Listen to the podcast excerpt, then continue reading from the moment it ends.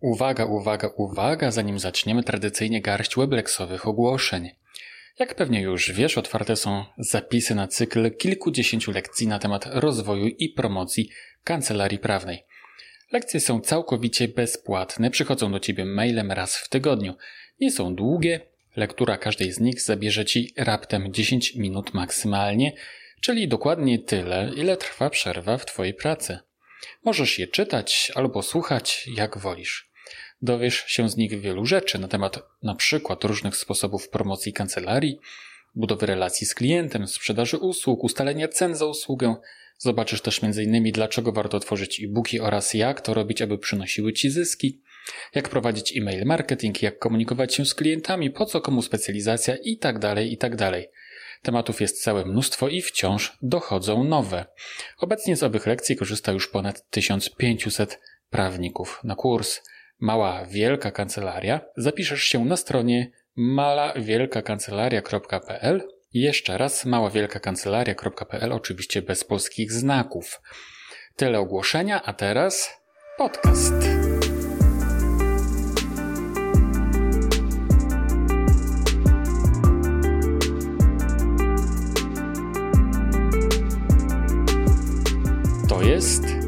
72 odcinek podcastu w drodze do kancelarii, w którym rozmawiam z doświadczonymi prawnikami, którzy niejedną wiosnę w Todze mają już za sobą.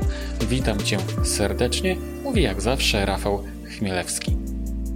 W tym odcinku podcastu tematem wiodącym jest proces zakładania czy też rejestracji kancelarii prawnej w CE IDG, czyli w Centralnej Ewidencji i Informacji o Działalności Gospodarczej. I na ten temat rozmawiam oczywiście z Kasią Solgą, która ów proces zna od podszewki z prostej przyczyny. Dziesiątki razy bowiem asystowała prawnikom przy powoływaniu do życia ich kancelarii prawnych. Proces rejestracji działalności gospodarczej miał być, zgodnie z zapowiedziami wielu rządów, prosty i w zasadzie taki jest. Gdyby nie kilka istotnych szczegółów, które powodują, że łatwo można zrobić w sumie drobny błąd, który potem skutkuje godzinami pracy przy odkręcaniu takiej błędnej decyzji. Dlatego bardzo mądrym sposobem rejestracji kancelarii jest skorzystanie z pomocy księgowej czy księgowego. Trwa to wówczas 40 minut, a przy okazji można omówić wiele istotnych dla późniejszego opodatkowania kancelarii kwestii. A doświadczona księgowa, jak dobry lekarz, dokładnie wie o co zapytać aby uzyskać ważną informację. Parafrazując popularny slogan reklamowy, że gdybym był kotem, kupowałbym Whiskas, mogę śmiało powiedzieć, że gdybym zakładał dzisiaj działalność gospodarczą, zrobiłbym to z księgową, a najlepiej z Kasią Solgą. Szczegółów zresztą dowiecie się z naszej rozmowy, która zacznie się za chwilę i na którą gorąco Cię zapraszam. Dodam wcześniej, jak zawsze, że podcast w drodze do kancelarii jest z radością wspierany przez niezrównany i absolutnie wyjątkowy Weblex Bookkeeping oferujący najwygodniejszą księgowość prawniczą na świecie. Szczegóły oferty księgowej znajdziesz w prosty sposób na stronie e, www.najwygodniejszaksięgowośćprawnicza.pl albo możesz po prostu tę frazę wpisać w wyszukiwarkę najwygodniejsza księgowość prawnicza. Panie i panowie, Kasia Solga o sztuce rejestracji kancelarii prawnej. To jest kolejny odcinek poprawnika Kasi, przede mną Kasia Solga. Cześć Kasiu. Cześć Rafał. A nadajemy z werandy. Kasiu, chciałbym z Tobą porozmawiać na temat taki, mianowicie, jak zakłada się kancelarię prawną. Jaka jest procedura, jaki jest e, proces założenia prawniczej działalności gospodarczej. E, okej, okay, Rafał, cieszę się, że mnie o to zapytałeś, bo to jest taki, wiesz, będzie teraz za chwilę bardzo popularny temat, bo e, e, prawnicy właśnie zdali egzaminy zawodowe, tak, są w tej chwili w trakcie oczekiwania na wpisy na listę i niektórzy już zakładają działalność, niektórzy będą zakładać za chwilę, więc myślę, że e, się to y, no, naszym prawnikom tak bardzo, bardzo mocno przyda. Ja może jeszcze podkreślę, że mm, jeśli chodzi o naszych klientów, tak, w Weblex Bookkeepingu, to ja wspieram i pomagam, asystuję podczas tego procesu, więc e, trochę nagrywam to dla tych, którzy z jakichś względów e, no, chcą sobie z tym poradzić sami, albo na przykład wpadli na taki pomysł, że oni to muszą już i dzisiaj i o 12 w nocy e, chcą to zrobić, więc żeby mieli taki, taki poradnik po prostu, no, co wziąć pod uwagę i jak wygląda w ogóle ta procedura otwarcia działalności, tak? Tak, no to zacznijmy od początku. E, więc e, no, jeśli pojawi nam się w głowie pomysł otwarcia e, działalności gospodarczej, to to, co po prostu musimy wymyślić, zanim w ogóle siądziemy do wypełniania wniosków Centralnej Ewidencji Działalności Gospodarczej, to jest oczywiście nasza nazwa, tak? I tutaj y, trzeba sobie y, przewidzieć, czy my chcemy tą działalność zarejestrować tylko pod imieniem, nazwiskiem, czy też chcemy mieć jakiś fantazyjny dodatek, czy tylko kancelaria radcy prawnego, kancelaria adwokacka, to, to trzeba jakby na tym y, etapie wiedzieć. I ja tylko powiem, że mm, wypełniając wniosek podajemy pełną nazwę, podajemy nazwę skróconą i w tej nazwie skróconej naprawdę nie warto się silić na nic więcej poza imieniem i nazwiskiem, bo to nam potem ułatwi, tak? Bo ta nazwa jest tak naprawdę stosowana głównie dla celów ZUS. Wymyślimy jakiś dziwny skrót, bo tam jest po prostu mało tych znaków, nie będziemy go pamiętać. Imię i nazwisko jest zawsze najlepszą e, wersją jako nazwa skrócona. No nazwa pełna to nie temat na ten odcinek, ale ja chciałam tylko powiedzieć, że trzeba ją jakby w tym momencie mieć, tak? E, druga rzecz, która jest bardzo ważna, to jest przemyślenie kwestii mm, tego, gdzie my wskażemy siedzibę naszej działalności gospodarczej, czyli miejsce prowadzenia tej działalności. I tutaj mamy kilka opcji. Możemy tego miejsca w ogóle nie wskazywać, tak? Czyli powiedzieć, y, zaznaczyć w trakcie wypełniania wniosku, że ja nie mam e, siedziby i w tym momencie wskazujemy nasz adres zamieszkania jako ten adres do korespondencji, do kontaktu dla urzędów, mhm, tak? Mhm. Natomiast i on pojawi się owszem w rejestrze VAT, w CIDG w tym momencie, to jest ta konsekwencja, natomiast nie mamy takiego problemu, że to miejsce prowadzenia działalności musimy mieć koniecznie, tak? Konsekwencją jest to, że ten prywatny adres ujawniamy. Mhm. Ale tak robi wielu prawników, y, nawet wskazując ten adres swojego zamieszkania jako y, adres siedziby. Mhm. I to jest druga możliwość, czyli tak, pierwsza to było nie mam siedziby, tu mieszkam, tu się ze mną kontaktujcie, tak? Druga to jest y, moją siedzibą będzie moje miejsce zamieszkania. Mhm. I to różni się od y, tej y, opcji pierwszej w taki sposób, że no mówimy, że będziemy wykonywać naszą działalność gospodarczą w naszym lokalu i tam nam umożliwia odliczanie w koszty części opłat eksploatacyjnych i kosztów w ogóle związanych z tym lokalem, chociażby yy, odsetek od kredytu i różnych rzeczy, tak? No jest konsekwencją tego też jest oczywiście ujawnienie tego w, w ewidencji, tego, tego naszego adresu. Czasami przed wskazaniem swojego miejsca zamieszkania jako tej siedziby jakby wahamy się, dlatego że boimy się, że nam zaczną wyższe opłaty za prąd, czy podatek od nieruchomości naliczać. Nie. W momencie, kiedy to jest taka działalność jak działalność prawna, czyli że my tak naprawdę wykorzystujemy kąt, kawałek biurka, regał, tak? Nie mamy produkcji, nie ma konieczności aktualizacji aktualizacji jakby statusu tego budynku w innych, y, czy tego lokalu w innych rejestrach i nie powoduje to wzrost y, opłat, więc możemy spokojnie zarejestrować. I może jeszcze powiem, że ten wskazany lokal, on nie musi być nasz własny y, może być użyczony, może być wynajęty, natomiast musimy pamiętać, że jeśli podamy ten adres jako adres, gdzie my będziemy wykonywać działalność gospodarczą, to my musimy mieć jakikolwiek tytuł prawny do tego lokalu, bo o to nas urząd zapyta. Czyli nie mamy tytułu w ogóle, wskazujemy, że nie mamy siedziby, mamy tytuł, wskazujemy, że tu jest moja siedziba. No i ostatnia możliwość jest też taka, że możemy tą siedzibę sobie albo wynająć i mieć po prostu biuro i wtedy wskazujemy to jako y, to miejsce, gdzie będziemy wykonywać działalność i no wtedy mamy tytuł prawny, tak, bo wynajęliśmy, tak. tylko jakby na etapie zakładania trzeba mieć świadomość, że jak rejestrujemy, to urząd w ciągu kilku dni się y, skontaktuje i poprosi o, tą, y, o ten tytuł, więc y, to trzeba uwzględnić. No jest też możliwość wynajęcia sobie na przykład w biurze dla prawnika czy w innym tego typu coworku adresu, tak, do mhm. prowadzenia działalności gospodarczej i te dwie opcje, kiedy mamy biuro wynajęte jakieś osobne albo mamy cowork, one nas chronią przed tym, że w publicznych rejestrach pojawi się nasz adres zamieszkania. Tak. Więc to jest e, rzecz, która, która, e, którą warto rozważyć. Więc mamy e, nazwę, mamy adres i to, co jeszcze potrzebujemy mieć na tym etapie, no to jest decyzja odnośnie tego, jakie będziemy płacić składki ZUS. Tutaj mamy do wyboru ulgę na start e, ZUS ten preferencyjny przez 24 miesiące i pełen ZUS i ten wybór jest ograniczony chociażby przez to, czy my wykonujemy działalność dla byłego pracodawcy, czy nie. Ja nie chcę tutaj szeroko wchodzić w ten temat, chciałam tylko jakby wypunktować szybko te rzeczy, które musimy mieć przed tym pierwszym wnioskiem przemyślane i, i to jest jakby myślę najważniejsze rzeczy w tym pierwszym etapie. Oczywiście będziemy musieli też wskazać, jaką wybieramy wybieramy formę opodatkowania w PIT, czy to będą zasady ogólne, czy podatek liniowy, czy ryczałt. Natomiast to nie jest jeszcze decyzja, którą musimy podjąć przed tym pierwszym e, podejściem jakby do CEDIK, tak? To jest rzecz, którą możemy, e, wybór formy opodatkowania, rachunek bankowy i e, tego typu rzeczy uzupełnić później, tylko musimy o tym pamiętać, tak? Czyli dopiero po uzupełnieniu tych wszystkich rzeczy możemy uznać nasz proces rejestracji za zamknięty. I teraz mamy tak, no, mamy te decyzje, siadamy do wniosku i to, czy mo możemy to zrobić za jednym to nawet chyba nigdy nie możemy za jednym razem. To, czy możemy to zrobić przy dwóch podejściach, czy po trzech, to zależy od tego, czy mamy NIP, czy nie. Tak?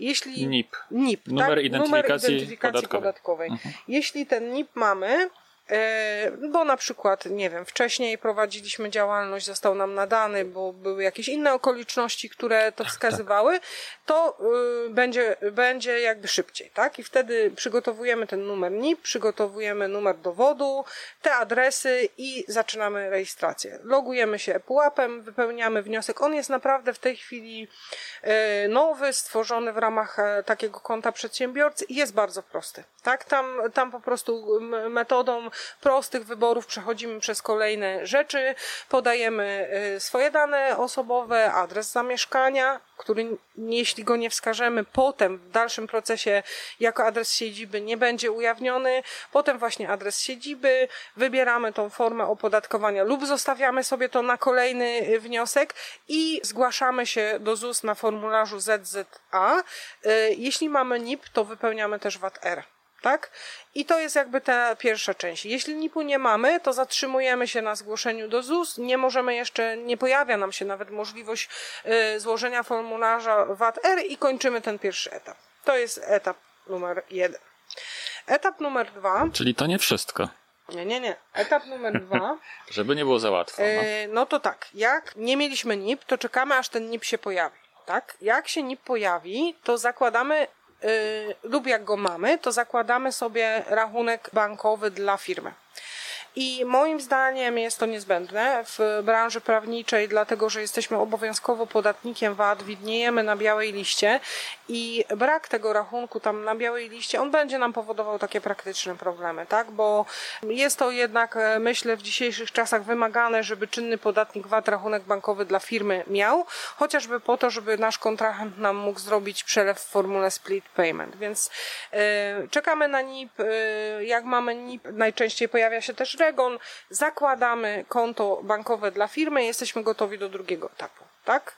Logujemy się po raz drugi po to, żeby podać ten rachunek bankowy, uzupełnić ten VAT-R, jeśli go nie było w pierwszym etapie, no i uzupełnić rzeczy, których nie zrobiliśmy za pierwszym razem, czyli na przykład nie podaliśmy formy opodatkowania, tak? I tu się kończy tak naprawdę y, ten, y, ten, etap drugi, jeśli nie zdążyliśmy z czymś, tak? Czyli nie zdążyliśmy zrobić rachunku bankowego, a chcieliśmy się już zarejestrować do VAT-u, no to pojawia nam się jeszcze konieczność aktualizacji tego po raz kolejny, ale żeby uważać ten proces za zakończony, to musimy mieć E, e, założoną działalność, nadany zgłoszenie do ZUS-u, tak, z, ZUA lub ZZA zrobione, tam właśnie w ramach wniosku CEDIK, zgłoszenie do VAT, tak, bo każdy prawnik musi być obowiązkowo VAT-owcem i zgłoszony rachunek bankowy.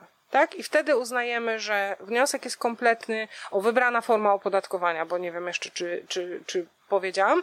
Mm, my, mamy wtedy kompletny wniosek i wszystko inne zależy już od y, urzędników. Y, my y, zrobiliśmy już wszystko kompletnie, co było od nas wymagane po to, żeby mieć aktywną działalność gospodarczą i przejść y, rejestrację do VAT. Kolejnym e, etapem będzie tutaj kontakt z Urzędu Skarbowego właśnie w sprawie rejestracji do VAT. Tak? I to dzieje się w terminie najczęściej kilku dni, przy czym ostatnio e, myślę, że urzędnicy są dość obciążeni i ja e, w tym miesiącu miałam dwa takie przypadki, kiedy minęło 27 dni i nie było jeszcze żadnego kontaktu. Tak? Jak dzwoniłam dowiadywać się, co tam się dzieje, to usłyszałam, że oni mają 30 dni i zamierzają je wykorzystać. No w każdym razie w tym terminie spodziewajmy się telefonu bądź maila z Urzędu Skarbowego. E, nastąpi to oczywiście, jeśli to urzędnikom umożliwimy i podamy E, na etapie rejestracji numer telefonu i mail, bo jak tego nie zrobimy, to przyjdzie nam pisemne wezwanie, więc lepiej to podać. Tam e, wypełniając wniosek, my mamy możliwość podać to tylko właśnie na formularzach ZZA, ZUA lub e, VAT-R do, dla celów urzędu, tak? Czyli nie musimy ujawniać swojego telefonu i e-maila w CEDIK po to, żeby dać je urzędom, mm, więc wybór jest po naszej stronie. Mm, czy chcemy w Y, ujawniać te dane publicznie, czy tylko dać je urzędnikom, ale urzędnikom warto dać na pewno, bo po prostu dla nas jest lepiej, żeby oni się z nami kontaktowali mailem y, lub telefonicznie, niż wysyłali wezwania od razu najlepiej z opłatą za wezwanie, tak? Więc, y, więc tak lepiej. I teraz tak, kontaktuje się urzędnik i o co prosi? Zależy od urzędnika. Na pewno obowiązkowo poprosi o ten tytuł prawny do lokalu. Tak. Tak. O co może poprosić jeszcze? Może poprosić o to, żebyś opowiedział własnymi słowami o tym, jak ta twoja działalność będzie wyglądała. Tak? Gdzie planujesz przyjmować klientów, jak planujesz działać. To jest weryfikacja po to, żeby sprawdzić, czy yy, to nie jest fikcyjna firma tak? Czyli czy ty rzeczywiście masz jakąś koncepcję po prostu prowadzenia tej firmy, ale to jest nie zawsze. To niektóre urzędy tylko proszą o taki opis. Najbardziej ekstremalną prośbą, z którą ja się w ostatnim czasie spotkałam, jest to, że była prośba z urzędu, żeby mm, prawnik przysłał zdjęcia wejścia do siedziby firmy z tabliczkami informującymi, że, ta, że on tam prowadzi działalność. No, ciekawe. E, no przy czym prawnik wyjaśnił, że planuje zdobywać klientów przez internet, nie potrzebuje tabliczki, jej nie ma i zarejestrowali, tak? Więc tu trzeba po prostu yy, no wykazać sumie... się po prostu cierpliwością, tak? tak do, tak. do urzędu. E, natomiast... Poczekaj Kasiu, czekaj, mhm. bo mi tutaj taka refleksja naszła mnie, że przecież radca prawny, adwokat i tak dalej, to są zawody zaufania publicznego, więc po co zadawać takie bezdurne pytania, czy podejrzewać o coś tam? Przecież to powinno być z automatu, nie? Wiesz co, no ja jakby... Mm... Chyba, że społeczeństwo, a tym bardziej fiskus y, wcale tak nie myśli. Znaczy się, ja uważam osobiście, że weryfikacja tych podatników VAT po to, żeby nie było karuzeli VAT-owskich i jakichś nieuczciwych firm jest wskazana. To to tak naprawdę nie jest uciążliwe. Jak otwierasz y, działalność gospodarczą w zamiarze jej prowadzenia, to po prostu tą rejestrację przejdziesz i już. No, z mniejszymi lub większymi y, problemami. Czasem y, może być też taki przypadek nawet, że urząd się nie skontaktuje w ogóle, ale to się dzieje mm, tylko w przypadkach tych urzędów, które właśnie weryfikują tylko kwestię, czy ty masz prawo, tytuł prawny do lokalu. Jak wskażesz lokal własny, w którym w księdze wieczystej po prostu jest napisane, że jesteś właścicielem, to może nawet się nie skontaktują w ogóle, tak? I mm, momentem, w którym my dowiadujemy się, że y, wszystko jest w porządku, zostaliśmy zarejestrowani i nikt się już nie będzie niczego dopominał, jest moment, kiedy pojawiamy się na białej liście. Czyli to można sobie po prostu weryfikować, wpisując w wyszukiwarkę biała lista podatników VAT, Tam jest taka wyszukiwarka, wpisujemy swój numer NIP. Jak pojawi się, że jesteśmy czynnym podatnikiem VAT, taki jest nasz rachunek bankowy, to znaczy, że procedura jest zakończona i nic już nie będzie dalej się w tej sprawie działo. Tak? Dopóki się nie pojawimy, nie nastąpi kontakt, no to jesteśmy niezarejestrowani. Przy czym sytuacja tutaj jest taka, że jeśli złożyliśmy prawidłowo wniosek, czyli co najmniej dzień wcześniej, przed tym jak zgłaszamy chęć bycia podatnikiem VAT, to ta procedura powinna w ciągu tych 30 dni się zakończyć i my możemy już działać, tak? Czyli my nie musimy na ten wpis czekać. Natomiast, no, żeby być spokojnym, wiedzieć, że tam nic się nie będzie działo, warto po prostu to sprawdzać i weryfikować. Y, no i warto też dobrze złożyć ten VAT-R, żeby, żeby nie było tam y, problemów. Y, ja może podpowiem tutaj taką rzecz, że Zgłaszając się jako prawnik rozpoczynający działalność, który ma obowiązkowy, tak naprawdę, zgłoszenie do VAT jest dla niego obowiązkowe, najlepiej jest wskazać jako podstawę tego zgłoszenia punkt 28 e, w zgłoszeniu VAT-R. Tam naprawdę prawników dotyczą dwa punkty, 28 i 35 i zgodnie z e, opisem, który jest na samym wniosku nawet, że powinniśmy wskazać e, wszystkie podstawy, które nas dotyczą, tak powinno być. Natomiast ja z doświadczenia wiem, że to powoduje problem, bo są znowu wybrane niektóre urzędy skarbowe, które nie potrafią zarejestrować podatnika, który wskaże, wskaże dwie podstawy. I zaczyna się bitwa z urzędnikami, dochodzenie, że przepisy tak, urząd tak. Lepiej tego nie robić. Wskazać 28 to jest prawdą, to jest bezpieczne, nie naraża nas na nadmierne tutaj kłopoty przy tej rejestracji, więc yy, ja to po prostu polecam jako takie dobre rozwiązanie. I w zasadzie tutaj mamy koniec, tak? Czyli złożyliśmy wszystko do CIDG, do Regonu to poszło automatycznie, do ZUS-u z CIDG też poszło automatycznie, więc e, e, formalności kolejne w ZUS będą dopiero na etapie albo zmiany e, naszej podstawy podlegania ubezpieczeń, czyli jak nam się skończy ulga, albo jak zatrudnimy pracowników. Urząd Skarbowy nas zarejestrował do VAT-R i, i mamy skończone. Jeszcze ewentualnie jeden taki niuans, który tutaj warto rozważyć. Na etapie tego wniosku VAT-R jest też wniosek o zarejestrowanie jako podatnik VAT unijny.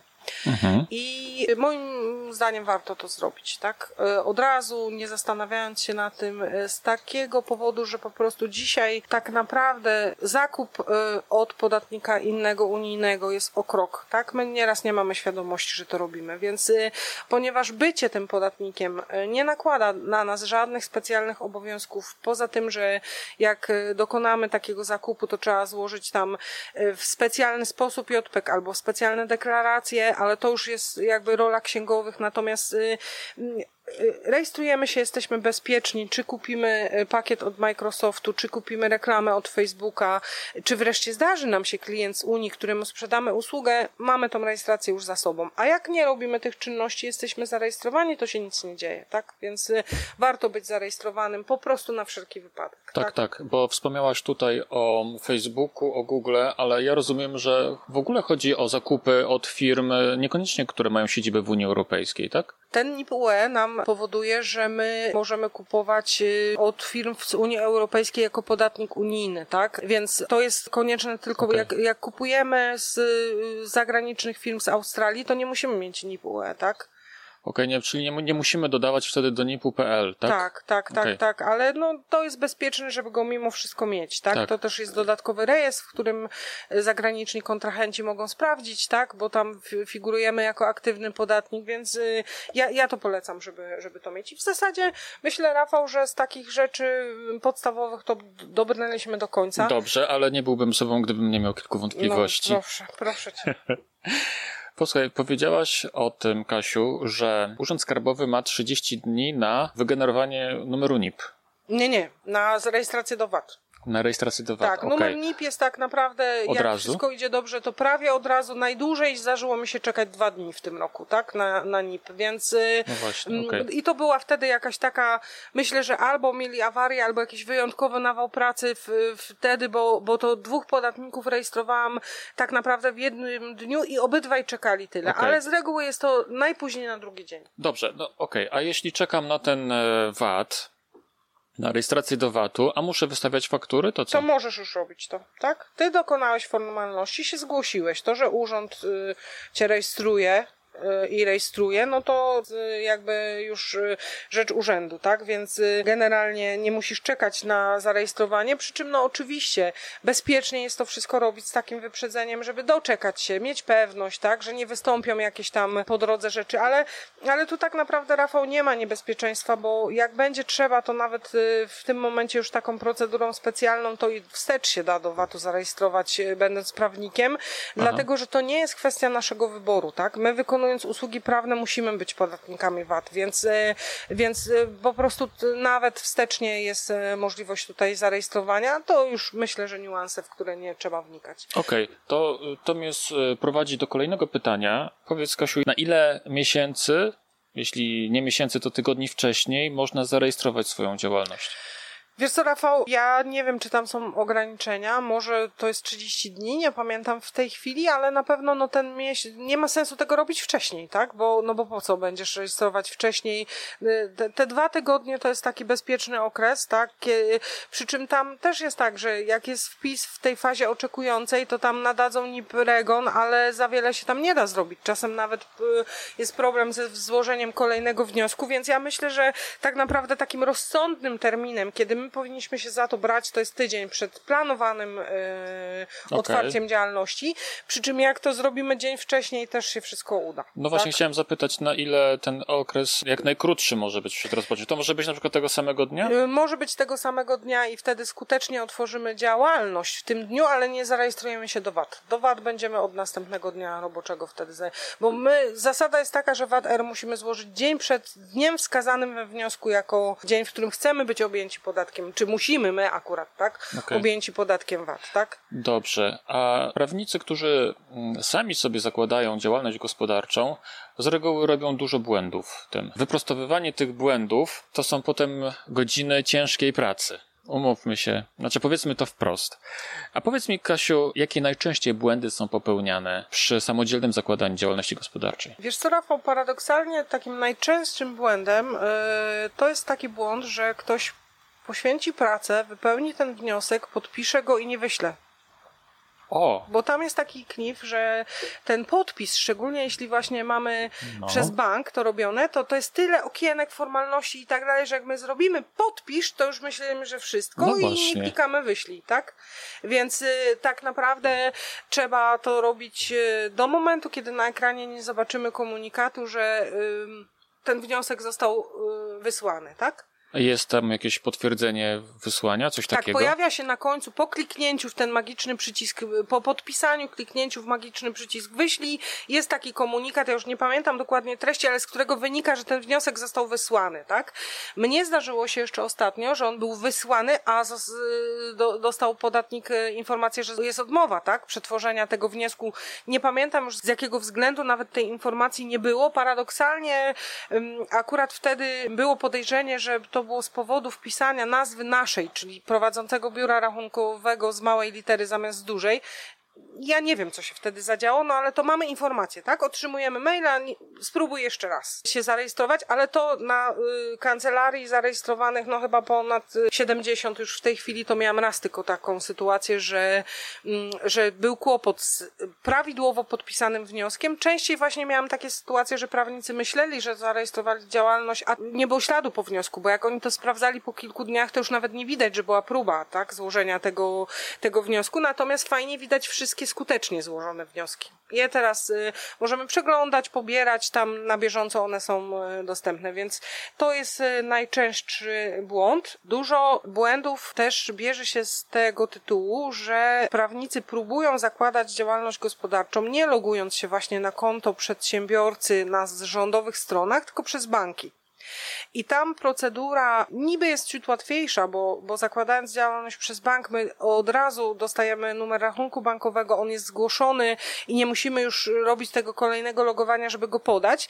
Natomiast moje doświadczenie jest takie, że te systemy bankowe one w bardzo różny sposób komunikują się z tym systemem CEDIG-u i tam po prostu zdarzają się błędy, tak? I to są błędy takie, że na przykład y, właśnie nie możemy tam przez bank złożyć VAT-R i nie pokazuje nam, nie wiemy, że to musimy potem zrobić, że bank nam nie wygeneruje właściwie potwierdzenia tego wniosku i my tak naprawdę nie wiemy, nie pamiętamy, co tam było kliknięte, a co nie, tak? Więc y, lepiej jest to, ja zdecydowanie zalecam y, robienie tego przez stronę rządową. To jest naprawdę teraz tak proste, że nie trzeba tutaj wsparcia jakiegoś kolejnego systemu, przez który mogą powstać błędy, tak? A jak się dostać na tą stronę rządową? Wpisujesz konto przedsiębiorcy w a, Google okay. i klikasz po prostu pierwszą y, stronę z końcówką gov, tak? To tak działa po prostu, tak?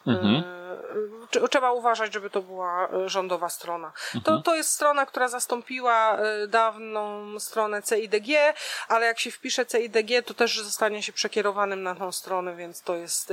Mnie, powiem szczerze, się bardzo podoba ten nowy wniosek, bo jest naprawdę prostszy od tego poprzedniego i um, przyjaźniejszy, taki ta, ta, ta, taki no nowocześniejszy tak, nowocześniejszy, chyba, no i druga rzecz, że po prostu tam ładnie historia się tych wszystkich złożonych wniosków przechowuje, więc możemy sobie zawsze podejrzeć, czy taką formę opodatkowania wybraliśmy, czy inną, czy zgłosiliśmy się w końcu do tego VAT-u, czy nie, tak, z jaką datą, bo czasami to jest tak, że przedsiębiorca coś tam poklika, a potem nie pamiętał, co poklika, tak, więc, no.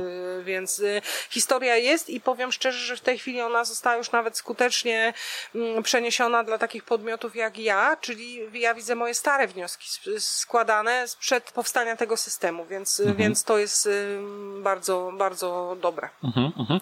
Ja tutaj chciałem zwrócić może naszym słuchaczom też uwagę e, na to, co, o czym wspominałaś wcześniej, że czasami bywa tak, że myślimy o tym, że wniosek został wysłany, a nie został wysłany, nie?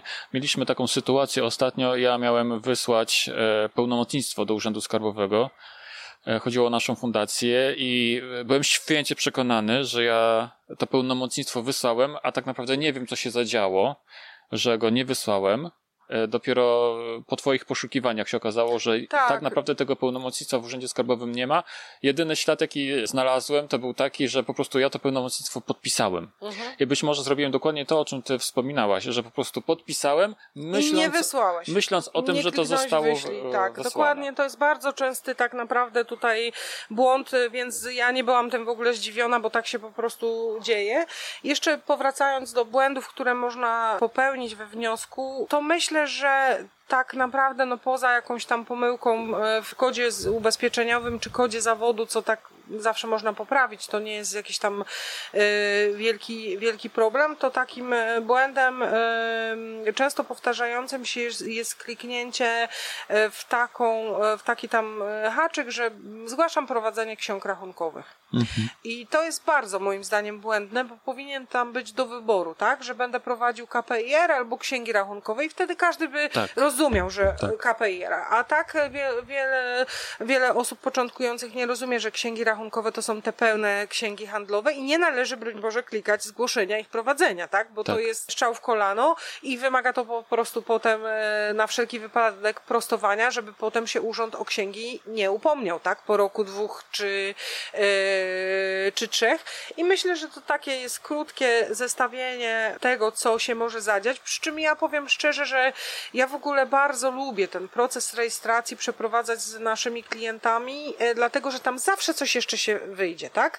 Czyli mm, przy okazji wypełniania tych wszystkich rubryk my gadamy o tym, tak, a to tak, a to tak, a to co i się y, no, pojawiają różne refleksje, które w samotności się po prostu nie pojawiają, tak? Więc y, w dwie osoby zawsze warto to y, robić lepiej, y, jest lepiej, a jeszcze jak to jest osoba, która ma no, jakieś praktyczne doświadczenie w tym, co tam się dzieje i co może się zadziać, to wiadomo, a czy doradzasz przy okazji intercyzę na przykład? Nie, nie, nie doradzam.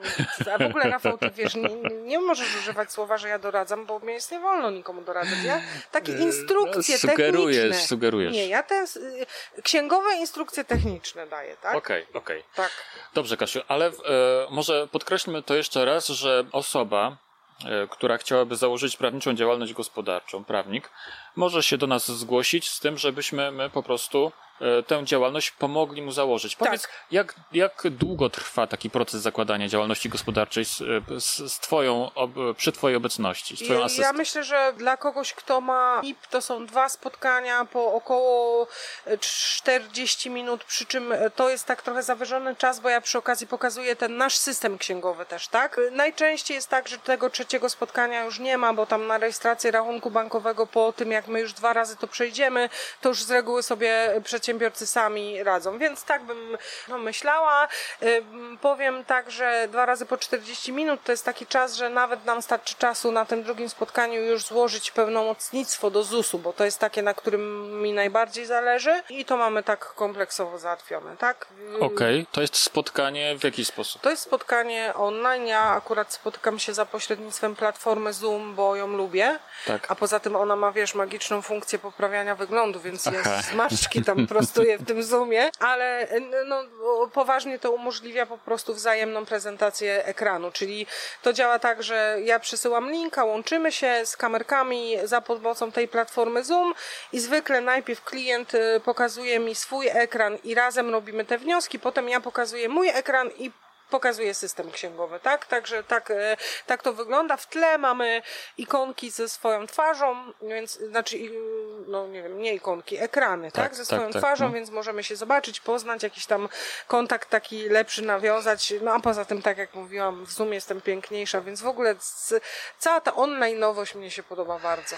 Tak, tak, tak, e, domyślam się. A powiedz Kasiu jeszcze, bo powiedziałaś o tym, że zazwyczaj wychodzą przy takich spotkaniach jeszcze dodatkowe jakieś okoliczności, które są czasami bardzo ważne, tak? Dla e, późniejszych zobowiązań podatkowych. Tak jest, no po prostu to wiesz, ja wierzę w to, w to, że z kontaktu dwóch osób i z rozmowy zawsze się, ja no, nie chciałabym tu może jakichś szczegółowych e, przykładów e, przytaczać, bo różne jakby były, tak, e, w trakcie, no, ale, no, tak, ale jest, jest to pomocne, tak. Mam na przykład na myśli to, że jeśli rozmawiasz i, i wiesz, i ktoś ci wspomni o tym, że wynajmuje mieszkanie i tak dalej, to o czym rozmawialiśmy, to ty możesz od razu zareagować, zareagować na, na taką tak, sytuację, na taką tak? Sytuację, bo tak. być może bez takiej rozmowy po prostu ten ktoś by ci o tym nie, nie powiedział, nie wspomniał, i dalej by niepra w nieprawidłowy sposób rozliczał swoje Znaczy się najczęściej, przygody. Rafał, powiem Ci, że um, wydaje mi się, że ta, ta dyskusja jest najbardziej interesująca zawsze przy wyborze formy opodatkowania. Jest też interesująca przy wyborze tej siedziby, tak? I tych wszystkich aspektach. Co wybrać, co nie wybrać. Niektórzy są zaskoczeni, że muszą mieć tytuł do lokalu, tak? Po prostu y, y, tego, y, który... Niektórzy nie pomyśleli o tym, że zgłoszenie tego adresu powoduje ujawnienie go w CIDG, tak? Rozmawiamy też o tych danych kontaktowych, czy podać, czy nie podać, bo ja na przykład uważam, że przy rejestracji e, te dane takie oficjalne, widoczne w rejestrze CEDIK nie są potrzebne, e, ponieważ e, są podmioty, które po prostu działają w taki sposób, że monitorują tą bazę, wyłapują świeżo zarejestrowane podmioty i zasypują je spamem. Mm. Więc żeby sobie tego na początek oszczędzić, to warto tego nie robić. Natomiast e, w momencie, kiedy my założymy sobie na przykład stronę internetową lub bloga, minęło już trochę czasu, minimum myślę dwa miesiące od rejestracji, to jak najbardziej wtedy warto złożyć aktualizację i podać telefon, podać maila. Y, telefon może niekoniecznie, to zależy, czy ktoś chce, żeby do niego klienci dzwonili, czy nie. No i przede wszystkim stronę internetową, bo to jest ważny wartościowy link do naszej strony internetowej, tak? Więc tak. E, takie, ta, takie, o takich rzeczach rozmawiamy dodatkowo podczas tego procesu rejestracji. Mhm. Czyli oprócz tego też, że ktoś e, z Twoją pomocą założy w sposób prawidłowy, sprawny, swoją działalność gospodarczą, tak, i sprawny, to mam na myśli to, że nie zrobi żadnego byka i nie będzie musiał potem poświęcać ty i ten ktoś dwóch czy trzech godzin na to, żeby to wszystko podkręcać, popoprawiać, to jeszcze ma możliwość e, zasięgnięcia konsultacji, tak, w zakresie organizacji. Tak, tak. I te, tu już mogę doradzać, tak, Rafał? No tak, Wiesz, okay. podatkowo nie, ale organizacyjnie jak najbardziej tak, więc y, chętnie to robię, bo, no bo po prostu mam w tym doświadczenie i, i też, wiesz, no ja lubię, jak my przyjmujemy klientów i to jest wszystko dobrze ułożone, bo to jest dla mnie też potem mniej pracy, mniej kontaktów z urzędami, tak. mniej różnych y, zdziwnostek, mniej że tak powiem, tak, w tym wszystkim, także tak to jest. No dobrze, Kasiu. Bardzo serdecznie dziękuję Ci za e, kolejną porcję wiedzy. Ja też dziękuję za spotkanie. E, ciekawa jestem, czy nasi słuchacze słyszą, że nam teraz tu zaczęło padać, no. że deszcz, ale słuchajcie, fajnie jest. Ciepło było ostatnio, Gorąco. więc jak pada, to też jest fajnie. Ja życzę wszystkim powodzenia w takim razie w rejestracji swoich działalności. E, polecam kontakt przy jakichkolwiek problemach i do usłyszenia. Dziękuję Kasiu jeszcze raz. Wszystkiego dobrego.